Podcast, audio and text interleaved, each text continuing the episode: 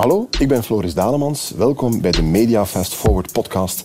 Een podcast van VRT Innovatie, waarin we op zoek gaan naar inspiratie over de mediasector. En die inspiratie delen we heel graag met jullie elke twee weken in deze podcast, waarin we het vandaag gaan hebben over de Vlaamse Netflix. En we zijn naar IBC geweest, de grootste broadcastbeurs van Europa, op zoek naar een paar trends.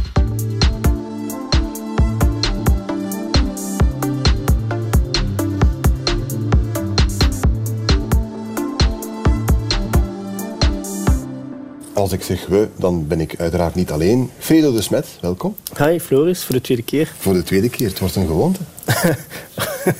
uh, ja, absoluut. Ja, we zijn op uh, eh, IBC geweest, dat is die gigantische beurs. Daar hebben we een paar dagen rondgelopen, beelden gedraaid voor de vlog en op zoek gegaan naar uh, allerlei vormen van inspiratie. Daar gaan we het straks zeker over hebben. eerst het onderwerp wat we vorige keer al hadden aangekondigd, de Vlaamse Netflix. Um, een beetje gaan kijken naar wat er zoal verschenen is over de Vlaamse Netflix. Dat was nogal wat de voorbije weken. Um, eerder dit jaar, in mei al, verscheen er een artikel in de Standaard van Dominique Dekmijn over de Vlaamse Netflix. Uh, het is te zeggen, het was eigenlijk een artikel over BBC, ITV en Channel 4. In Groot-Brittannië zitten we dan. Die samen onderhandelen over een gezamenlijk platform uh, om video aan te bieden, televisie aan te bieden en zo het hoofd te bieden aan uh, Netflix, Amazon en dat soort grote platformen die steeds meer ja, die televisiewereld beginnen over te nemen. En ja, er is een iPlayer van BBC bijvoorbeeld, maar uit cijfers blijkt dat de Britten meer naar Netflix kijken dan naar alle BBC-zenders en sites samengeteld. Eh, ja, eh, is echt? Dat is echt, dus dat is gigantisch. Hè? Als je alle kijkminuten zeg maar, van alle BBC-assets samen, samentelt, kijken mensen nog altijd meer minuten naar Netflix.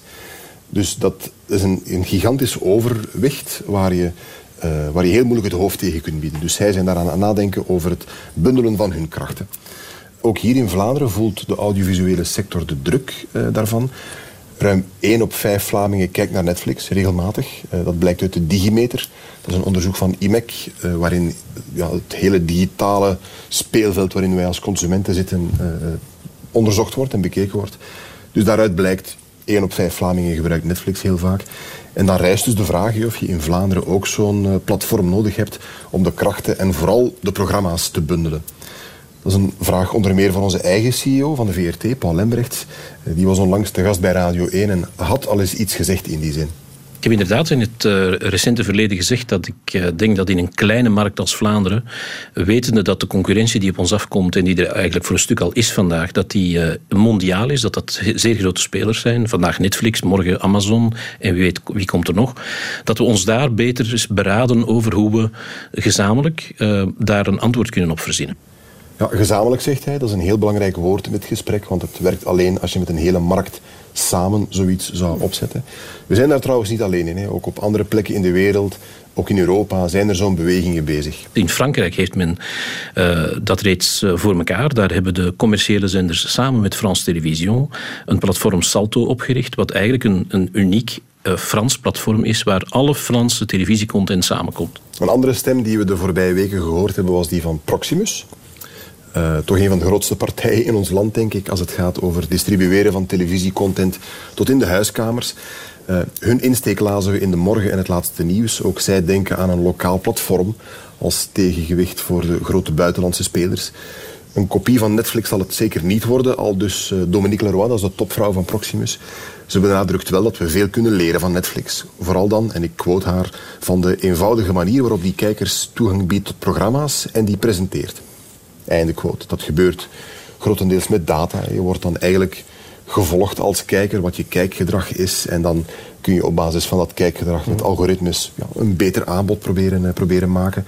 Uh, maar het Proximus werkt ook aan een plan om uh, naast die data ook te werken met heel veel lokale content. Proberen om die lokale content te bundelen op een nieuw platform. Dat overigens ook buitenlandse programma's zou bevatten. Uh, maar de bedoeling, opnieuw quote van uh, Dominique Leroy, uh, dat het toch vooral de bedoeling is om onze lokale programma's veel meer in de kijker te zetten. Proximus is een Belgisch bedrijf. Proximus is een Belgisch bedrijf. Dus lokaal betekent vanuit haar standpunt Vlaams en Waals. Dat denk ik wel, ja.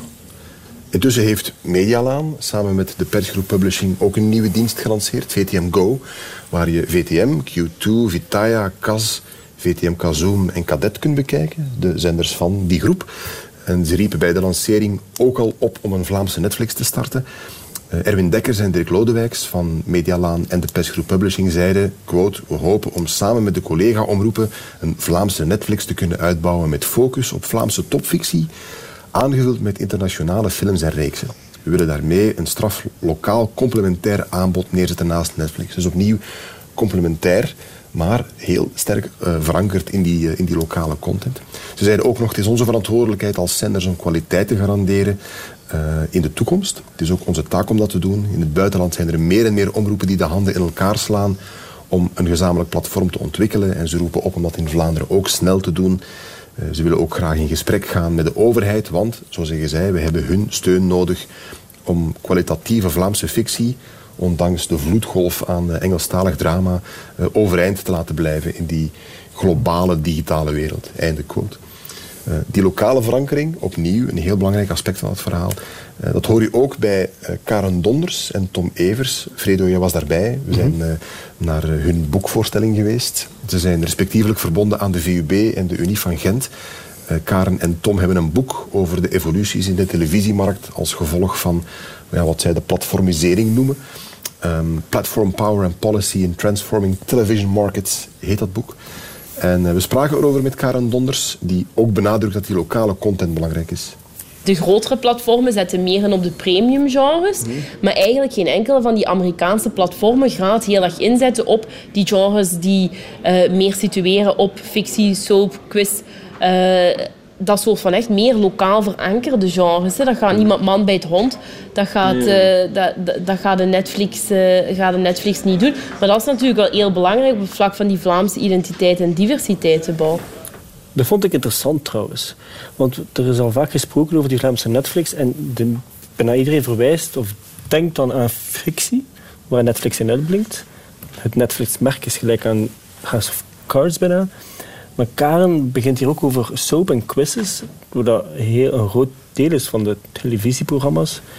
Um, en die eigenlijk echt ook heel lokaal verankerd zijn. Daar had ik eigenlijk nog niet bij stilgestaan dat die andere platformen zoals YouTube en Facebook daar een um, speren op gemikt hebben of een, een vizier op gemikt hebben. -hmm. Het is wel open deuren intrappen, zo lijkt het tenminste, maar die Amerikaanse giganten zoals Netflix die werken globaal, dus die lokale Vlaamse content, dat is niet iets waar zij heel hard naar kijken. En dat opent ook wel de mogelijkheid voor complementariteit, eh, waar ook uh, Erwin Dekkers en Dirk Lodewijks van Medialaan en de persgroep uh, naar verwezen. Dat het complementair kan zijn aan wat die grote Amerikaanse spelers doen, zo'n potentieel Vlaamse Netflix. Er zijn ook wat tegenstanders, hè, want het is niet overal enthousiasme wat de Vlaamse Netflix betreft. Wouter Verschelde van Newsmonkey schreef dat er een grote tegenstelling zit in de financiering van zo'n Vlaams platform. Het kan tegen betaling, zoals bij Netflix eigenlijk. Maar een groot deel van de content die van ons komt, van de VRT, is al gefinancierd met geld van de gemeenschap. Zo schrijft hij. Um, en dat klopt ook natuurlijk. En een andere optie om het te financieren met reclame is ook niet echt een populaire optie. Dat ondervond Netflix overigens zelf. Ze hebben daar een tijdje geleden mee geëxperimenteerd met advertenties en de reacties waren aan de woeste kant, om het zacht uit te drukken. En toch zullen er ergens inkomsten vandaan moeten komen, want zo'n online televisieplatform onderhouden en bouwen, dat kost enorm veel geld. Uh, je hoort opnieuw Paul Lembrecht, de CEO van de VRT. We moeten ook kijken hoe zo'n platform zichzelf kan financieren. Ik kan er natuurlijk van uitgaan dat de commerciële omroepen ervan zullen uh, gebruik willen maken om daar ook reclameboodschappen op te plaatsen. We moeten ons dan afvragen, wat betekent dat voor ons? Dus dat zijn vraagstukken die, die op tafel moeten komen. Ik denk niet dat uh, dat elementen zijn die de discussie onmogelijk moeten maken. Ik denk dat we moeten zoeken naar compromissen en, en mogelijkheden om samen wat sterker te kunnen staan. Ja onze CEO, Paul Lembrechts, op Radio 1, ergens eind augustus, toen hij een interview gaf over dit uh, onderwerp. Uh, Karen Donders, die we net ook al hoorden van de VUB, die samen met Tom Evans dat boek schreef over plat platform power, zeg maar, die heeft ook een heel duidelijke mening over reclame. Ik heb een beetje een onpopulair idee over reclame. ik vind dat men daar eigenlijk meer recht uit moet zijn naar de consument toe. Hè. Er zijn een aantal basismanieren waarop je betaalt voor een product. Hè. Ofwel zijn er subsidies, die komen eigenlijk uit jouw belastingsbijdrage, ofwel betaal je rechtstreeks televisie, maar gelijk dat je ook een pot Nutella in een Delijs uh, gaat kopen. Ofwel betaal je via reclame. En de consument wijsmaken dat je niet kan betalen. Dus dat er geen een van die drie basisfinancieringstromen uh, geld, ja, dat is natuurlijk, dan in My Little Ponyland. En ik denk dat dat gewoon veel duidelijker gemaakt zou moeten worden.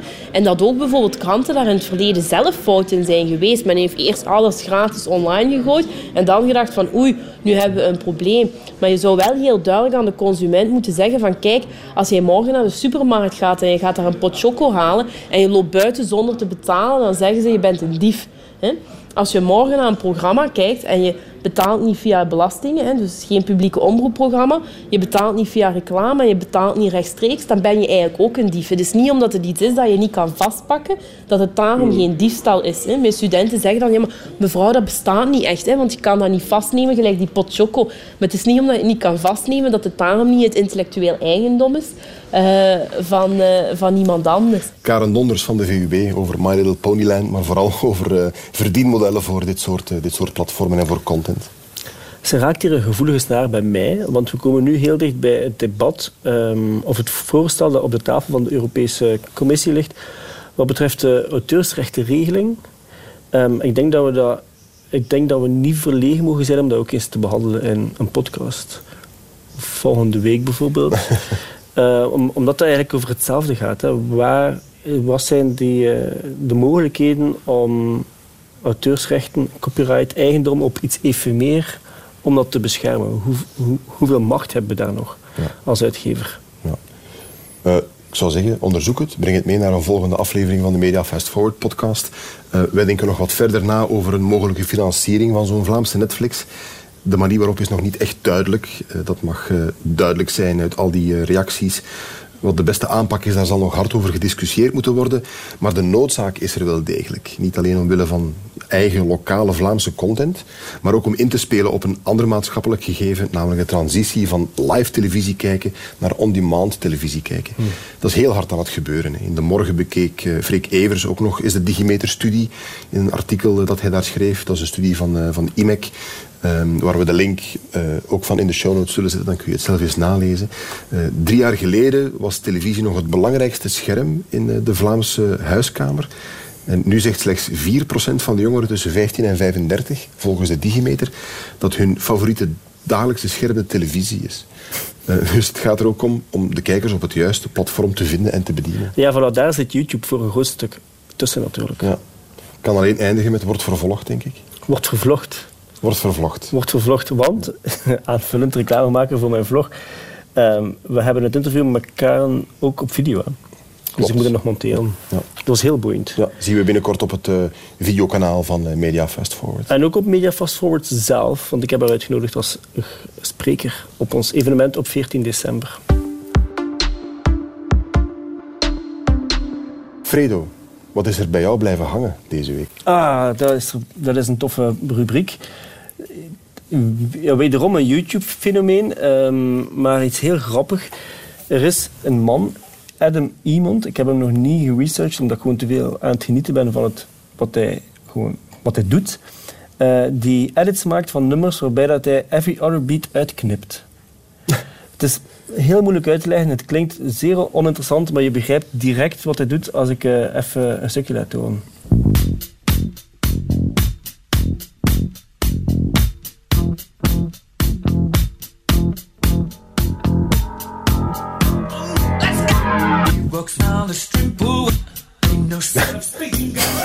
Zo spijtig.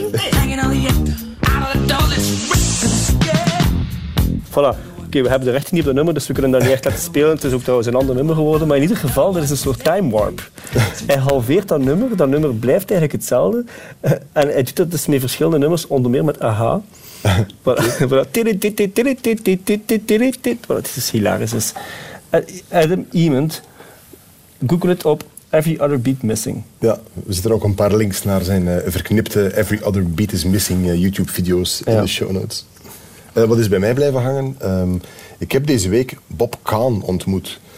Um, Bob Kahn is een, een, een legende, al is het redelijk nerdy moet ik zeggen. Hij is een van de, van de uitvinders van het TCP-IP-protocol. Um, weet jij wat dat is? TCP-IP? Nee, ik zou, oh, ik zou heel graag zeggen, met schaamte, schaamrood op de wangen zeg ik nee. Nee, het is uh, het protocol waar het internet mee uh, werkt. Dus IP staat voor Internet Protocol. Ja. En uh, TCP staat voor Transmission Control Protocol. En eigenlijk is het het protocol, het netwerkprotocol, waar je computers met elkaar kunt laten praten. En hm. dat nu uitgegroeid is tot wat we vandaag kennen als het internet.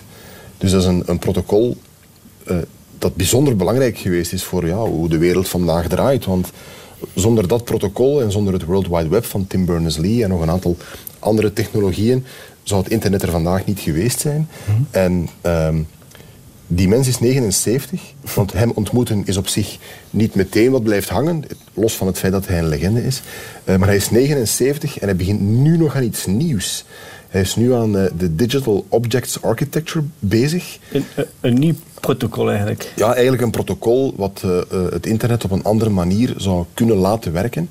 Ja. Ehm, het is veel te complex om het in deze rubriek uit te leggen, maar wat mij echt blijft hangen of wat bij mij echt blijft hangen, is dat hij 79 is, al zo'n geschiedenis achter zich heeft voor wat vandaag het internet is geworden. En dat hij nu nog altijd bezig is met het internet te proberen heruitvinden. Vind ik fantastisch. Dat is trouwens een oproep dat je meer en meer hoort hè, van die eerste generatie internetondernemers. Dat de, de drijfveer of het algoritme waarop het internet draait heruitgevonden zou moeten worden. Of dat we de weg verloren zijn of de pedalen kwijt zijn. Um, ik kom erop terug. Fredo, jij en ik zijn samen met nog een paar andere collega's naar Amsterdam geweest, naar IBC. Dat is de International Broadcasting Convention. Dat is een hele grote beurs, 15 hallen, expo-hallen vol met materiaal en dingen die met broadcast te maken hebben. In de breedste zin. Het gaat mhm. over uh, microfoons en over kabels, maar ook over uh, ledlampjes, camera's, uh, cloud uh, producten, allerlei, allerlei dingen. Ja. Um, ja, we, we hebben ja, niet, bigger than life. Hè, ja, bigger than life. Het is echt gigantisch groot. We hebben niet de, de tijd, nog de intentie om ja, een verslag te brengen van IBC als dusdanig. Maar we zijn daar specifiek, net omdat we zo weinig tijd hebben, op zoek gegaan naar een aantal ja, trends die, die wij wel interessant vonden.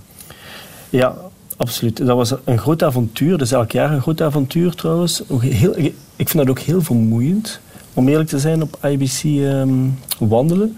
Ze proberen trouwens los te komen van uh, International Broadcast Convention, net omdat broadcasting meer en meer ook gebeurt van op de smartphone. Um, maar typisch wordt je, wat het eerst, een van de eerste dingen is die je ziet, zijn zendwagens en satellieten en zo. Um, en, maar ook ledlampjes die dus in, eh, een mixer zitten. Dus van de kleinste elementen tot de grootste elementen in de uh, broadcasting industry. Wij waren daar specifiek voor twee trends te onderzoeken. Dat was enerzijds AI, mm wat het zo'n beetje de grootste technologietrend is van dit jaar. Um, en eco. AI en eco, over de laatste kunnen we heel kort zijn, dat is geen trend. Dat vinden wij twee heel belangrijk. ja. Duurzaamheid. Kunnen we de dingen maken die we nu maken op een meer duurzame manier, minder energie verbruiken, minder vuil maken ook bij een televisieproductie. Uh, dat was eigenlijk vrij afwezig. Ja. Ik heb één plaats gezien waar een, ehm, een, ehm, een, stroomgenerator stond, die er ook uitzag als zo'n goede ouderwetse dieselstroomgenerator. Mm. Als je wat dichterbij kwam kijken, bleek het gewoon één grote batterij te zijn. Mm. Dus die was al iets groener. Maar dat is echt een van de uitzonderingen daar. Hè. Ik zag bijna niks dat, uh, ja, dat echt duurzaam in het vaandel droeg. Nee. Hoog of laag. Nee, daarin heeft de industrie nog wel wat, nog wel wat te leren, denk ik. Uh, we hebben wel gesproken met een aantal bedrijven en die zeggen wel dat in een personeelsbeleid dat wel heel vaak wordt toegepast. Wat we ook heel vaak gezien hebben zijn referenties naar cloud-toepassingen, naar IP. Heel weinig VR en AR, vond ik zelf. Ehm, meer als voorheen ehm, kleinere camera's of uh, kleinere microfoons of manieren om producties op te nemen met uw telefoon bijvoorbeeld. Hans de Mojo-trend was meer als voorheen ook aanwezig op IBC. Ehm, maar toch veel AI. Ik denk dat dat de grootste trend is. Onze zoektocht weliswaar was een bedrijf te vinden die effectief AI gebruikt in een product en die het niet gewoon gebruikt als een buzzword op de muur. Ja, want dat is wel vaak natuurlijk. Dat gaat ook over blockchain bijvoorbeeld, zie je ook heel vaak opduiken. Of uh, innovatie als woord uh, zie je her en der opduiken. Maar zijn er effectief bedrijven die het, die het ook echt doen en die er iets praktisch mee doen, iets tastbaars mee doen? Dat was onze zoektocht. Hè? Ja, en er zijn tot mijn, ons groot genoegen, mijn groot genoegen, waren er twee mooie verhalen op IBC van Belgische bedrijven. Uh, die hebben dus ook even de microfoon onder de, onder de neus geduwd. Het eerste, eerste persoon die je hoort is um, Ben van den Bergen, de CEO van Skyline Communications. Wat doen zij? Ze zijn global leader in end-to-end orchestra software. Wat ze doen is ze helpen grote broadcasters om Hans de datatransmissie van A tot Z te verzorgen en te beveiligen. Het feit, ah, is iets waar ik me achteraf bedacht trouwens, Floris, het feit dat pen daar was, is wel symbolisch. Die staat echt tussen de mensen de ganse week op de booth. Mm Heel aanspreekbaar. Het is ook een scale-up. Die waren vorig jaar toen ik hen voor het eerst ontmoette met, of twee jaar terug met een 200-tal. Nu gaan ze naar een 300-tal werknemers. Dat is echt world class. En uh, ze zijn voornamelijk bekend van een product Dataminer. Dat is een databedrijf, dus logischerwijs komt daar AI aan te pas. Uh, wij maken eigenlijk uh, al gebruik van AI voor ongeveer een tweetal jaar, denk ik. We hebben eigenlijk geïnvesteerd in een uh, in-house team die werkt rond AI. Het zijn heel specifieke profielen, heel, mensen met heel specifieke expertise. En de reden is, wij geloven echt dat AI niet zomaar een aparte tak van de software is, maar eigenlijk een evolutie is van wat software is. AI is niet altijd big data, is niet altijd facial recognition en dergelijke zaken. Wij werken heel specifiek op het monitoren en beheren van heel complexe infrastructuren. En de broadcast en de media-industrie, die gaat door een heel snelle evolutie. Alles is uh, geconverteerd naar all-IP-omgevingen. Uh, heel veel hardwareproducten worden gevirtualiseerd. En het gevolg daarvan is dat, je, dat die media en uh, systemen eigenlijk heel dynamische systemen worden. Die veranderen continu.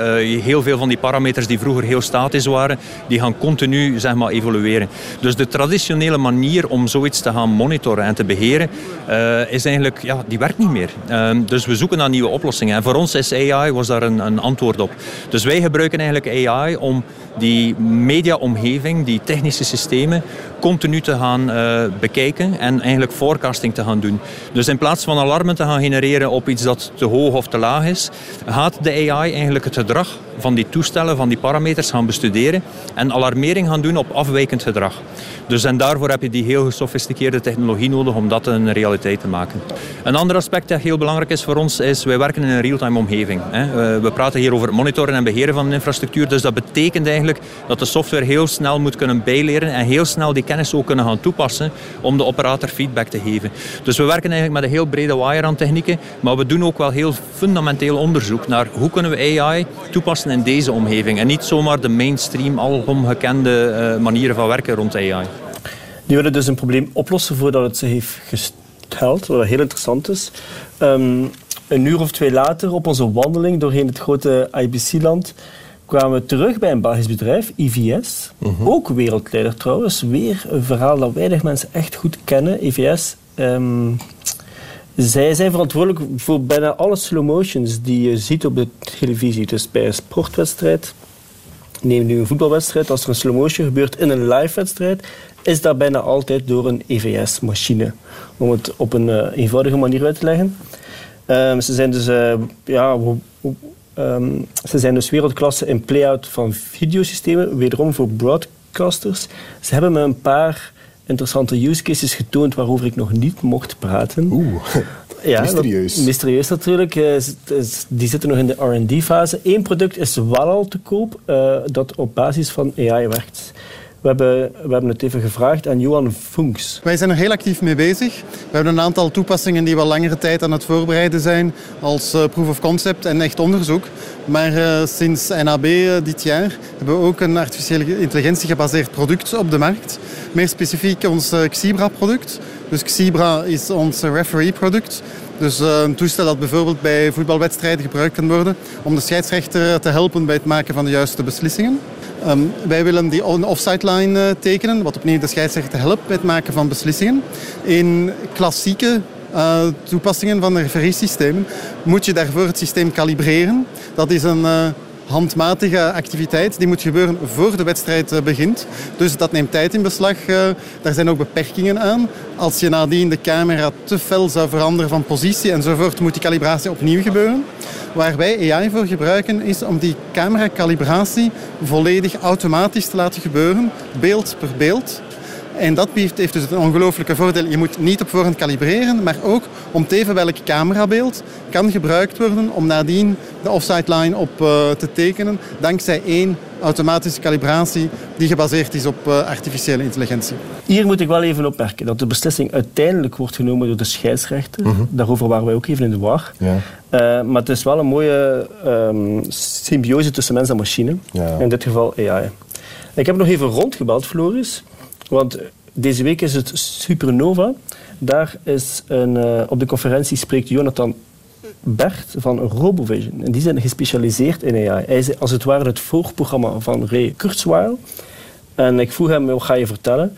Uh, Ro RoboVision, for the record, die zijn gespecialiseerd in deep learning op basis van videobeelden. Ja. Dus die, die werken eigenlijk in de mediasector, ongeacht hun eerste klanten uit de landbouw kwamen. Dat zijn eigenlijk beelden, videomateriaal, alles wat te maken heeft met visuele input, die genumbercrunched wordt en die gekoppeld wordt aan diepe neurale netwerken. En die diepe neurale netwerken die gaan tot een optimum komen, net zoals uh, biologische hersenen, uh, menselijke hersenen, uh, dingen leren als ze ze voldoende zien. Ik ja. vind genumbercrunched wel het voltooid deelwoord van de dag. Ja, wel, je, je, je, hoort ook dat er iemand is die al elke dag moet uitleggen wat AI is en hoe, dat we, en hoe deep learning werkt. Um, nu, hij brengt een primeur mee naar Supernova. Dat kan je dus de vrijdag voor het eerst zien. Wel, eerst en vooral komen wij de allersnelste deep learning server voorstellen in primeur. Uh, allereerste keer dat hij in België staat. De NVIDIA DGX2. Echt een, uh, een beest van twee petaflops. Um, ja, dat is ja, ongeëvenaarde horsepower in het deep learning landschap. Als je kijkt naar uh, het landschap van de AI, dan is NVIDIA op dit moment nog wel de absolute marktleider. En zij bepalen eigenlijk op wat voor soort servers dat um, ja, de grote Silicon Valley jongens ook draaien. Ook Google, Amazon, um, ja, ook uh, Facebook. Iedereen draait eigenlijk op GPU's van Nvidia. Dat is wel een uitzondering. Google heeft ook TPU's, maar voor het leeuwendeel van alle resources in de cloud moet men terugvallen op Nvidia GPU's. En wij stellen de snelste deep learning server voor die momenteel out there is. Dat is dus ook wederom een bedrijf uit België, ik heb het even opgezocht, die server kost 400.000 euro. Dat is geen kleine investering. En zo komen we trouwens terug tot het onderwerp van de vorige episode, dat dus de broadcast-industrie eigenlijk technologie gebruikt uit de gaming-industrie. Ja. En dat is trouwens net wat Dominique Dekmijn van de Standaard ook opviel in zijn bezoek op IBC. Hij schreef een bijzonder interessant artikel, dat vind ik zelf. Als buitenstaander zag hij iets anders als ons. Uh, het artikel heet TV speelt Leentje Buur bij gamers. Wij weten allemaal wel dat je beelden kunt samenkleven op televisie uh, met, met zo'n green screen, zo'n groen scherm. En dan wordt er een ander beeld ingeplakt. Maar dit is iets helemaal anders, omdat de camera gewoon kan rondbewegen. En dat, ja, dat die persoon of een object zit, zit, daar gewoon. En wat men daar eigenlijk voor gebruikt, is technologie die, die ontwikkeld is uh, voor, uh, voor 3D-games, voor computergaming, maar die nu zo goed is geworden dat je, dat je volledige nep-decors kunt maken in drie dimensies die er helemaal echt uitzien en waar je ook mensen die helemaal ergens anders zitten daarin kunt kleven en andere objecten. Uh, fenomenale dingen die mogelijk zijn. Waar komt dit vandaan? Is het de gesproken gazet? Nee, ja, een beetje. Hè. Dit is een fragment uit de podcast Bits en Atomen van de Standaard.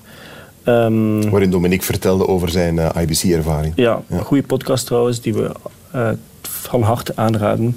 Van onze collega's van de Standaard. Maar voilà, dus wij waren op IBC om AI te zoeken. En een beetje onopgemerkt hadden we kunnen zien dat er heel grote invloed was van de gaming-industrie en virtualisatie een grote trend is in de broadcasting-wereld. Ja, en nu nog duurzaam en dan zijn we er. Ja, dat is voor volgend jaar.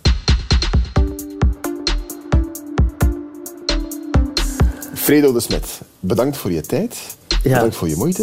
Ga op zoek naar dat verhaal. Wat was het? Over uh, auteursrechten en de nieuwe Europese regelgeving. Ja. Die nog moet gestemd worden. Voilà. En als je meer informatie wil over VRT Innovatie, ga dan naar innovatie.vrt.be op het internet met dank aan Bob Kahn en TCP/IP. uh, of ga naar mediafastforward.be, daar vind je niet alleen deze podcast, maar ook Fredo zijn vlog. Je kunt je ook inschrijven op de nieuwsbrief. En je vindt bovendien ook informatie over 14 december. Dan vindt de volgende editie van ons evenement plaats in Bozar in Brussel. Heet ook Media Fast Forward. Ja. Voor het gemak. Bedankt aan de luisteraar in de eerste plaats om het op tier uit te zetten. Ja, niet dat het zo moeilijk was, toch? Nee? Uh, ik ben toch klaar voor een aperitief. okay. Bedankt om te luisteren. Tot de volgende keer. Ciao.